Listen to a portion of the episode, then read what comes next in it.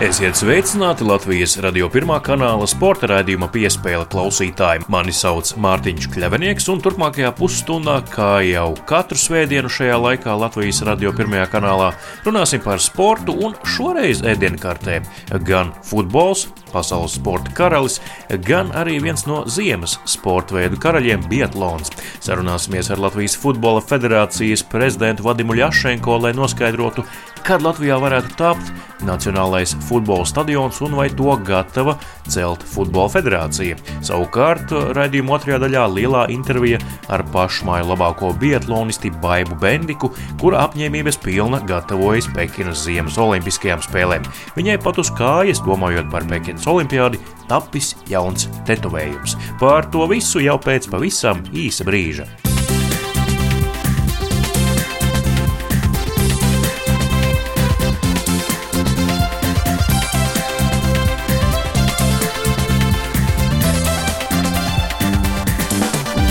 Jūs klausāties Latvijas radio pirmā kanāla sporta raidījuma piespēle studijā Mārtiņš Kļavinieks. Futbols ir pasaules sporta karalis, par to šaubu nav, taču Latvijā tomēr karalis, ja ne ir gluži kails, tad eh, ar diezgan padriskātām drēbēm. Runa, protams, ir par infrastruktūru, kas Latvijā nav tā labākā. Tikai viens īstenis futbola stadions, kuru aizvadīt augstākā līmeņa mačus, proti Skonto stadions un Daugavas stadions, kurā spēlē Latvijas Nacionālā futbola izlase, tomēr ir multifunkcionāls, nevis tieši futbola stadions. Laba infrastruktūra kopumā, bet tas tomēr nav stadions, kas domāts tikai futbola spēlēšanai. Tribīnes no laukuma ir tālu, līdz ar to, ja arī tās ir pilnas ar skatītājiem, nav tās sajūtas, kas skonto stadionā, kad skatītāji ir tuvu laukumam un rada ļoti labu atmosfēru. Pagaidām izlase neplāno pārcelties no Daugavas stadiona uz skonto laukumu, taču vai ir iecerē pašiem celt Nacionālo futbola stadionu Latvijā, kā to ieteica pagājušajā nedēļā Latvijā viesojušais Startautiskās futbola federāciju asociācijas jeb FIFA prezidents Gianni Infantino, To devos jautāt Latvijas Futbola Federācijas vadītājam Vadimam Ļašenko. Puika atsūtīja īziņu, upi, tavi sapņi piepildās. Tā forma ir svarīga vairāk mēdījiem, skatītājiem, kā mūsu sportistiem ir uh, cita forma. Sportiskā forma ir svarīga. Latvijas Futbola Federācijas prezidents Vadims Ļašenko sarunā ar Latvijas radio FIFA prezidents, kad viesojās Latvijā. Viņš viesojās arī Daugaus stadionā un atklāti arī pateica, tas nav futbola stadions. Jums vajag futbola stadionu. Vadim, mēs pirms gada apmēram tieši šajā kabinetā runājām ar jums, kad nesen bijāt ievēlēts amatā. Un tad uh, teicāt, jā, ka kaut kādas domas par stadionu ir, varbūt par atgriešanos skonto izlasēji. Kādā posmā tagad šī visa situācija ir? Vai domājat par atgriešanos skonto, laikam jau ieguldat uh, Daugaus stadionu jumtu? Jumtā, tad tomēr tuvākajā laikā nē, un vai ir kādas cerības vispār uz Nacionālo stadionu tuvākajā piecgadē? Es teikšu, pirmkārt, ka mums izveidojas ļoti labas attiecības ar eh, Daugavas stadionu vadību. Jā, mēs ieguldījām aptuveni 540 tūkstoši uz eh, jumtu Daugavas stadiona. Līdz ar to arī Daugavas stadiona vadībā nāks pretī un eh, iedeva mums atlaides, lai organizētu šāda līmeņa spēles. Tāpēc arī liels paldies viņam. Bet neskatoties uz to, protams, mums jāmeklē jāmeklē arī risinājumi, kā mēs varam uzbūvēt futbola māju. Tas nav teikt, viena gada vai divas gadus jautājums, bet mēs jau bijām eh, pie vadības, mēs runājam ar premjeru, mēs runājam ar citiem ministriem, ar izglītības ministru, gan ar varam ministru par šo nepieciešamību. Bet es domāju, ka tas jautājums eh, 3-4 gadus ietvaros mēs varam atrisināt. Protams, mēs meklējam vietas, vietas jau principā ir. Ja, vienīgais ir jāsaprot, kāds būs atbalsts no pašvaldībām un kāds būs atbalsts no mūsu partneriem UFO un FIFA un kāds būs atbalsts no, no valsts puses. Mm. Bet e, cerības ir. Es domāju, ka kopā, kā mums premjerministrs teica, kopā mums izdosies. Mm. Eh, tas, ko futbola klubs eh, Riga ceļ piņķos, eh, tur tas, tā bāze un tas stadions, kas tur būs, varētu kaut kādām tādām UEFA prasībām atbilst, lai tur izlases uz brīdi varbūt spēlētu, kamēr nav savs stadions. Tas ir ilgtermiņa process, kas attiecas uz Riga FC. Mēs redzam viņas ieguldījumu, piņķos ir fantastisks ieguldījums un ir liels plāns, lai uzbūvētu tur vēl stadionu. Es domāju, ka tas viņam var izdosies arī 3-4 gadus laikā. Es biju arī pie RFS jauna bāze, kur arī ir stadions eh, plānā uz 2,5 tūkstošiem. Tur vēl trīs futbola laukumi, divi ar dabīgo laukumiem un viens ar mākslīgo laukumu. Man priecē tas, ka klubi neskatās uz varbūt nav tik labu situāciju valstī tomēr iegulda uh, finansējumus uz sportu un tieši uz futbolu. Es domāju, ka mums nevajag domāt par to un sagaidīt atbalstu un būvēt tādu stadionu projektu no klubiem. Mums tomēr federācija jārūpējas pašiem. Paldies par sarunu, lai izdodas. Jā, liels paldies un uh, vienmēr atklāti sarunai. Viens mats ir trausls, bet, ja sapīt bizē, tu viņu nekad nepārrausi. Ja? Un muskuļu šķiedra arī bija kvijums.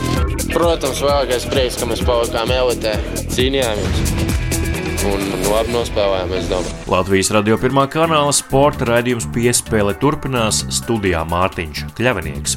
Pekinas Ziemas Olimpiskās spēles sāksies jau 4. februārī. Šīm sacensībām aktīvi gatavojas visi Latvijas ziemas sportisti, kuri cer kvalificēties šīm Olimpiskajām spēlēm vai praktiski jau to ir izdarījuši. Latvijas biatlona līderis ilgus gadus bija Andrejs Rastargujevs, viņam netiešu konkurenci veidoja Baiba Bendika. Viņi bija katrs sava sava dzimuma vīru un dāmu flagmaņi, taču Andrejs Rastargujevs diemžēl Pekinas Ziemas Olimpiskajās spēlēs nestartēs, jo saņēmis diskvalifikāciju par antidopinga noteikumu pārkāpumu. Kā zināms, viņš trīsreiz neatradās norādītajā vietā, kur viņu meklēja dopinga kontrolieri, un par to pienāks līdz pat divu gadu ilga diskvalifikācija. Andrejs gan saņēma 18 mēnešus ilgu sodu. Līdz ar to vienīgā Latvijas izteiktā biatlona līdere šobrīd ir Baiva Bendika, kura nolika aizvadījusi treniņu nometni Rumānijā, taču tagad atrodas Itālijas kalnos, kur gatavojas augstkalns apstākļos, lai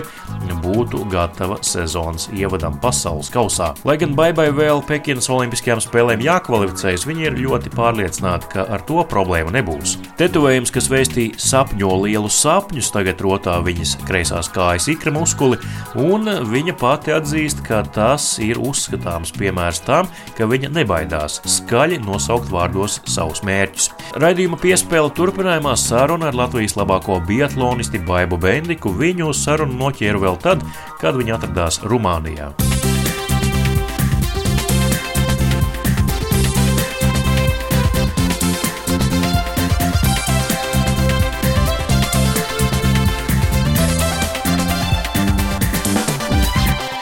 Baiba Bendika, mūsu sarunas viesiņa šodien ir sporta radījumā piespēle. Baiba, vai es nekļūdos, ka tu tur esi kaut kur uh, grāfa Drakulas zemē, Transilvānijā šobrīd? Jā, šobrīd esmu uz uh, nedēļu Rumānijā, atbraucu nostartēt nedēļas nogalē rolas lepošanas sacensībās, un tad tālāk jau jādošos uz Itāliju uz ierastākām treniņu vietām. Kas tur ir ar to rumāņu braukšanu? Tu Twitterī rakstīji, ka tāda notikuma vispār neeksistē, ka apdzīvotā vietā jāsamazina ātrums. Bija jums tur kaut kādas, kaut kāds interesants atgadījums ceļā uz turieni? Nē, nu vienkārši sanāca tas, ka mums bija jā, ļoti garš ceļš no Latvijas līdz šejienei, un arī šeit iebraucām pēc vieniem naktī, tāpēc, jā, sanāca pastūrēt arī pa nakti, un jā, un tad varēja ievērot, ka vietēji īpaši apdzīvotās vietās ātrumu nesamazina, un līdz ar to varēja diezgan diezgan ātri un veiksmīgi šeit nokļūt. Parunāsim par gaidāmo sezonu, novembra beigas, starts Zviedrijā. Kāds ir tas gatavošanās plāns tagad tev šajā, nu, laikam jau fināla fāzē pirms sezonas, kad ir jāieliek tie stingrākie pamati, lai būtu gatavi jau sezonas sākumā? Taisno braucu uz Itāliju, vēlreiz aizvadīt Stelviju augstkalnas nometni. Cerams, ka laika apstākļi būs labi un jau varēs jau tagad, oktobrī, jau slēpot, un pēc tam mēs braucam uz Zviedriju vai Norvēģiju, atkarībā, kur būs labāki ierobežojumi, noteikumi tad jā, vēlreiz īsu brīdi atgriezīšos pirms pašas sezonas kalnos. Kādu vērtē to jaunās sezonas eh, pasaules kausa kalendāru? Tās novembra pēdējo nogali mēs skaitām pie decembra, tad principā decembrī gan arī vai četri posmi sanāk eh, ar to novembra astīt un tad 3 janvārī un tad uzreiz jālec uz olimpisko spēļu režīmu vai ritmu. Eh, kā tu vērtē, cik nu, šāds blīvs grafiks, cik tas ir pateicīgs vai varbūt pārāk skarbs vai drastisks? Biatlonā ir diezgan pierasts, ka tās sacensības ir daudz un viņas ir uh, katru nedēļas nogali. Tagad, jā, kopš pagājušās sezonas ir nācis klāt uh, vēl viens kauss, kas ir jā, kā sezonas atklāšana. Un, protams, vēl jāstāsta, kā visi plāni ies, bet provizoriski iespējams es kādas sacensības izlaidīšu, lai varētu vēlreiz iekļaut treniņus kalnos un uh, tāpat tās visticamāk kaut ko arī Eiropas čempionātā nostartējuši, lai būtu tāds vēl maksimāli atbildīgāks starts pirms Olimpiskajām spēlēm, lai paskatītos, jā, vai es gan fiziski, gan psiholoģiski gatavs. Jā, pastāst Latvijas radio klausītājiem, no nu arī droši vien tādiem svētdienas vērotājiem, kuri paskatās Bietlonu, varbūt televīzijas ekrānā, bet tik ļoti eh, neseko līdz niansēm. Kāds tad ir Bābs Bendikas iespējamais ceļš uz Pekinas olimpiādi?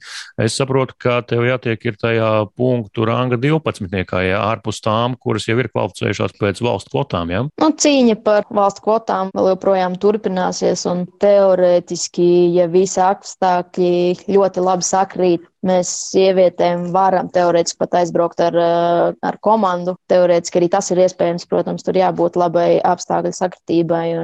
Meitenes, kam vēl ir jāizpild, jā, ceturtajai ir jāizpild pasaules kausa kvalifikācija, bet eh, tīri teorētiski jā, mēs varam arī ar komandu vēl aizbraukt, jo cīņa turpinās arī komandām līdz pat eh, pašām janvāra beigām. Bet, jā, ja tas neizdosies, tad ir top 12 ārpus nācija 20.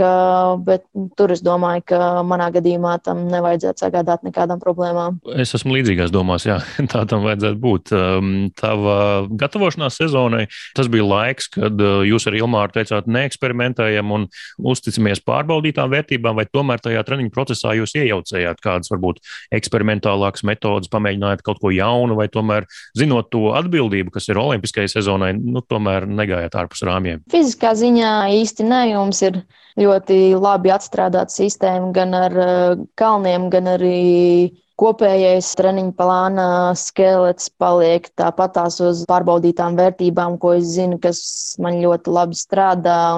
Gan tas ir pārbaudīts, ka labi strādā. Tāpat arī ar spēkiem ir ļoti laba sistēma atstrādāt, un tur mēs ejam jau pēc vairāk vai mazāk pēc ierastās sistēmas. Un, jā, šaušanā gan varbūt nedaudz vairāk sanāca šovasar pamainīt, jo pagājušajā gadā varbūt tā šaušana negāja tik labi, kā gribētos. Līdz ar to centāmies salauzt varbūt kaut kādas lietas, ko es darīju iepriekš, un šaušanā gan sanāca daudz dažādas izmaiņas, kas diezgan ilgu laiku varbūt nenostrādāja, un uh, ar daudzajām izmaiņām varbūt arī kaut kādā brīdī pazaudēju vienkāršas pamatiemaņas. Jā, šaušanā man ir gājušos ar diezgan uh, sarežģīti, bet šobrīd, jā, beidzot ir uh, tā sajūta, ka lēnām kaut kāda stabilitāte sāka atgriezties. Tagad tā liek tikai, jā, savākt pietiekami daudz eh, stundas eh, šautavē pēc pēdējām izmaiņām, lai tiešām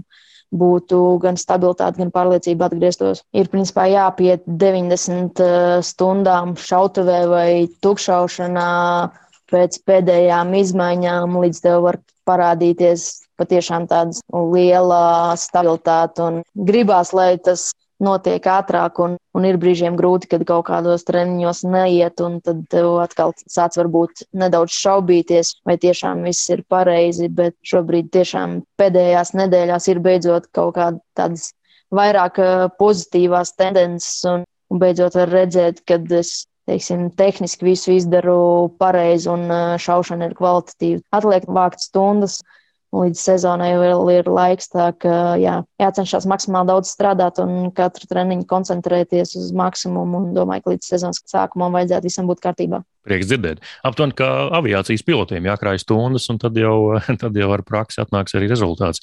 Bet ar fizisko sagatavotību tev jau nekad nav bijušas problēmas. Tas alaži ir bijis tavs, teiksim, tā, ja jājam dzirdziņš, tad pietiekami liels trumpis. Cik personīgi iekrīt šovasar? Es Twitterī redzēju video par pievilkšanos. Tur bija personīgais vēl kaut kur. Jā, spēka ziņā noteikti ir jūtams, ka muskuļi ir vēl kvalitatīvāki, ja man ir vēl vairāk spēks nekā iepriekš. Tāpat arī Olimpiskajā vienībā tagad septembrī gāju testu, un arī tur diezgan iespaidīgi izdevās uzlabot savu iepriekšējo rekordu par veselām trīs minūtēm, un arī visi kopējie skābekļi un pulsu rādītāji tiešām vērojams izteikts uzlabojums. Tā arī fiziski ir eh, vēl viens solīts uzkāpt augstāk, par ko jā, ir prieks. Un to arī redzēt arī sacensībās, gan Norvēģijā, gan Vasaras pasaules čempionātā, kur ātrums uz rollerslēpēm tiešām bija labs. Tu vari teikt, ka tu esi tādā, nu, ja ne tādā fiziskā briedumā, tad, nu, katrā gadījumā tu ļoti tuvojies tam laikam, ka tev jāparāda vispilnīgāk, gan fiziski, gan arī šaušanas ziņā kopumā biatlonā. Tie fiziskie rādītāji, par kuriem tu tikko stāstīji, liecina par to, ka šis ir tas laiks, kad ir, nu, kā saka, jāpļauj un jāizmanto tas, ko tu esi sasniegusi savā fiziskajā ziņā. Kādreiz, kad biju jaunāka, tad man likās, vienmēr likās, ka tas īstais vecums būs 27 gadi, kad tur būs tā lielā pārmaiņa. Tad, jā, tagad laikam izrādās, ka vajadzēja sasniegt 30 gadus, lai pakāptos vēl izteikti lielāku soli uz priekšu. Un tiešām, jā, fiziski šos ar esmu jutusies tiešām ļoti labi. Un Ceru, ka līdz sezonai nekas nemainīsies. Varēs ļoti labi un spēcīgi jau iesākt sezonu. Nu, dāmām nav pieklājīgi vaicāt par gadu skaitu, bet tu jau pati atzinies, ka tev ir uh, šis slieksnis 30 pārkāpts. Es to pārkāpu uh, pagājušajā gadā. Nu, mēs apmēram vienaudži esam, tad mēs arī ar tādām drošiem vienādām atmiņām par tādu laika attīstību un vēsturi esam dzīvojuši. Es arī noķēru to sajūtu, ka ir tā personība nostabilizējusies. Tu apmēram zini, kas tu esi, un uh, arī fiziski tu zini, ko tu vari izdarīt Tavā gadījumā tas ir īpaši svarīgi.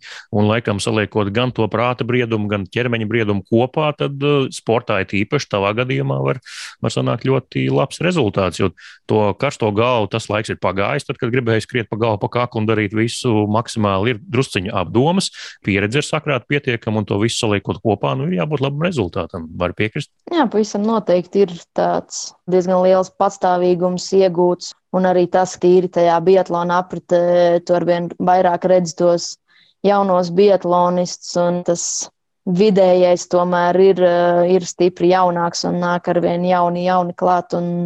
Mēs tā negluži teikt eh, vecie, bet, eh, teiksim, jā, manas paudzes biatlonisti nav vairs tik daudz, un arī tāpat tās komandā nāk klāt jaunās meitenes, un arī tur man ir sajūta pat vairāk, ka viņas ir nevis komandas biedrenis, bet es daļēji pat jūtos viņām kā treneru un padomdevēju ne tik daudz kā vienauds komandas biedreni.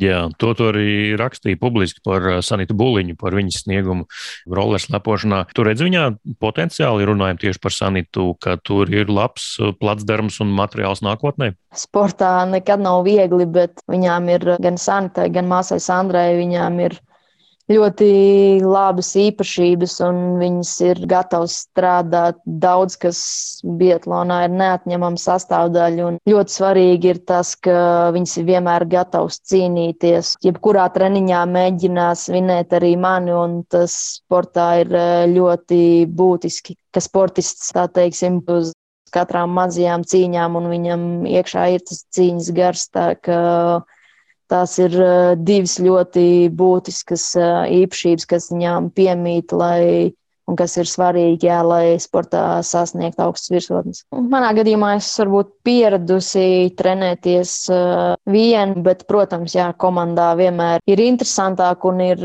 daudz darbus ir vieglāk izdarīt, kad ir kaut kāda savu savstarpējā sancensība, un tas vienmēr ir nepieciešams. Protams, ir forši apzināties, ka ir vēl kāds, kas var palīdzēt mums celt uh, sieviešu biatlonu un saglabāt uh, vietas pasaules kausos. Nu, laikam temats, uh, par kuru sarunā par biatlonu mēs arī nevaram uh, neparunāt. Diemžēl Pekinas Ziemas Olimpiskās spēles notiks bez Andreja Rastargujeva līdzdalības tajās. Uh, viņš ir vīru biatlona līderis jau ilgus gadus Latvijā. Nerunāsim šeit Andreja vietā, bet varbūt tu no vienkārši biatlonistu perspektīvas vari izstāstīt klausītājiem, kāds ir tas process Adams sistēmā, kas tev tā īsti ir jādara, pieceļoties no rīta, tu uzreiz izņem no no kabatas vai no nakts galdiņa paņem vietālu un, uh, atzīmē savu atrašanās vietu, vai kā, kāds tas process ir īsti un kā tas notiek, un kur var rasties varbūt tie pārpratumi tajā sistēmā. Tev ir jāizpilda trīs uh, nākošajiem mēnešiem, un attiecīgi katra noteikta trimestra līdz 15. datumam, tev ir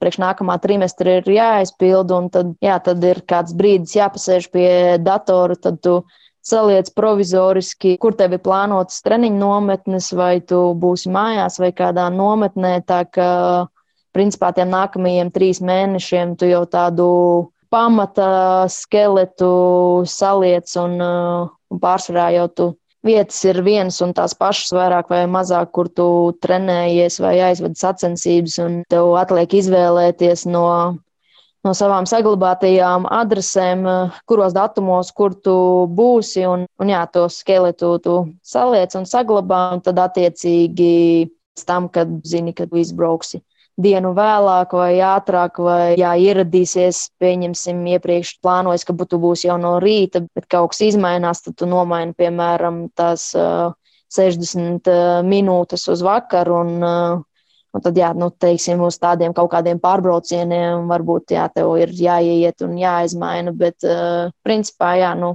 kad tu esi uz vietas un uh, trenējies, tad jau tev klasiski ir ielikts vai nu no rīta tā viena stunda, vai varbūt kāds liek uh, vakarā. Tad ikdienā tur tās izmaiņas tev nav jāveic, jo tu zini, ka tev katru rītu septiņos tajā vietā vai mājās ir ielikts. Tev vienmēr varēs atrast tad attiecīgi tev ir jāpiekruģē, kur tev varbūt kaut kādi savādāki plāni mainās, jo, protams, trīs mēnešus priekš ir uh, grūti simtprocentīgi paredzēt, kurā dienā tev būs pārbrauciens, vai varbūt tev aizkavēsies kāda izbraukšana, un, un, un tas ir jā, jāpiekuriģē pēc tam. Nesezonā, starpsezonā var aizmirst par Adamus, vai tad arī jāizpild, un tad arī var atnākt kontroli?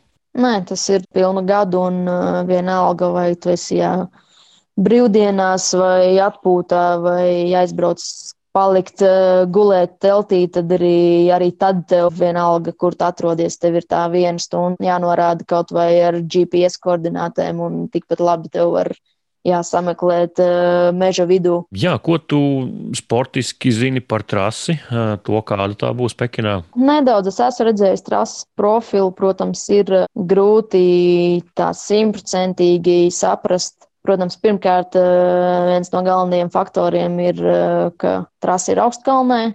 Ja nemaldos, gandrīz 1800 metri, kas ir tāds jā, nopietns augstums un uh, priekš manis pateicīgi, jo es ļoti daudz aizvedu treniņus augstkalnēs, un līdz ar to man augstkalnē startēt nesagādā problēmas, un varbūt ir kaut kāda priekšrocība pret citiem sportistiem, kas augstkalnē treniņus neaizvada tik daudz. Un, bet jā, nu, tīri teorētiski trases reliefs varbūt izskatās ne super grūts, bet jā, vairāk ar tādiem lēzeniem kāpumiem, un kur varbūt priekšrocība būs fiziski jaudīgākiem sportistiem, ne tik daudz varbūt viegliem un mazajiem, bet to ir grūti pagaidām pateikt, jo tā informācija bija tāda diezgan skopa un ar sniega mociju nofilmēts aptuvenais reliefs, bet eh, kāds izskatīsies dzīvē, to droši vien redzēsim tikai ziemā. Nebija nevienam no pasaules biatlona elites, vai kādam varbūt no elites bija iespēja aizbraukt, izmēģināt, pamēģināt, kā tur īsti ir. Tā kā līdzīgi kā kamniņu braucēji brāļi Šīci no Latvijas devās uh, homologēt uh, turienes ledustrāsi biatlonistiem, bija kaut kāda vispār tāda iespēja.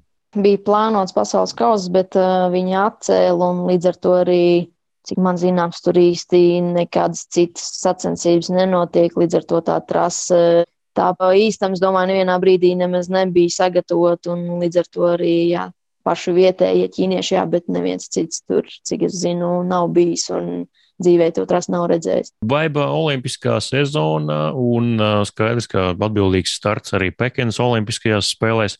Palabo man, ja es kļūdos, bet uz kreisās kājas ikri ir tetovējums, kas saka Dream Big, jeb sapņo lielus sapņus. Tā ir vai ne?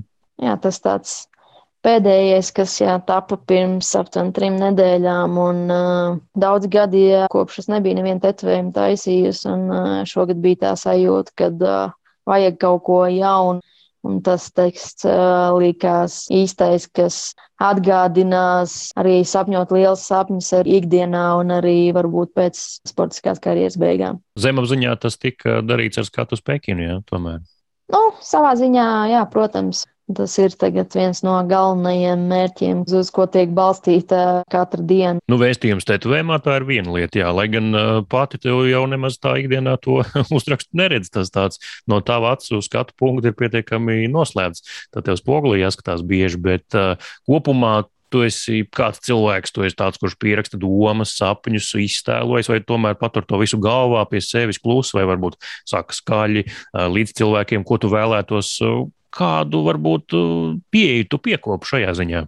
Man ir tas, ka, ka man nav bail dalīties ar uh, saviem mērķiem, un, un es jau to jā, teicu jau uz uh, iepriekšējo olimpiādi, un tas bija tāds ļoti augsts mērķis. Bet jā, man nekad nav bijis tā, ka, ka es baidītos atklāt savus mērķus, un ka ja es viņus izteikšu skaļi, ka to man vajadzētu paturēt tikai pie sevis, un uh, man ambīcijas jāatsevišķi pēdējos gados ir stipri augušas pakāpeniski kļūstot stiprākai, arī tās ambīcijas aug. Un, protams, jā, gribās sasniegt tos mērķus, kas varbūt kaut kur jau sen, jau vienmēr no bērnības ir uh, likušies nereāli un kā sapnis. Tagad ir tas, ka, jā, ka tu viņiem nāc ar vien tuvāk un gribās izdarīt maksimumu. Vairāk ticu, teiksim, amerikāņu stila čempionu domāšanai, ka tev ir jābūt ambiciozam, tev ir jāsapņo lieli sapņi jau no bērnības. Ir jātic, ka tu būsi labākais un tu būsi čempions. Un, uh, ticība sev nekad nepievils, un uh, tev ir jābūt pārliecinātam, šaubas, kaut kādas bailes ir, uh, ir galvenais pretinieks tev pašam. Tāpēc ir, jā, ir svarīgi būt domāt pozitīvi un mērķēt augstu. Viedi vārdi. Eh, Baiba Bendika, Latvijas labākā biatloniste, sarunā ar Latvijas radio pirmā kanāla sporta raidījumu piespēli. Paldies, Baiba, ka veltīju šo laiku, arī esot uh, Transilvānijā un, un parunājies ar Latvijas radio. Nu, tad novēlam veiksmes un izdošanos un uh, turam iekšķus arī par tevi Olimpiskajā sezonā, protams, pasaules kausa posmos, bet visciešāk viennozīmīgi Pekinas ziemas Olimpiskajās spēlēs, jo tu jau Pjončānas spēlēs parādīji, ko tu vari vari, un tas nozīmē, ka var kāpt tikai augstāk, un līdz ar to gaidām progresu rezultātos, līkni, lai augšupējoši, un tad pašai arī, lai labas sajūtas pēc tam atgriežoties no Pekinas mājās, un lai daudz līdzutēji sagaidu ar priecīgiem saucieniem, fanu balsu, pūlī daudz. Paldies, Baiba, par šo sarunu! Ja, paldies!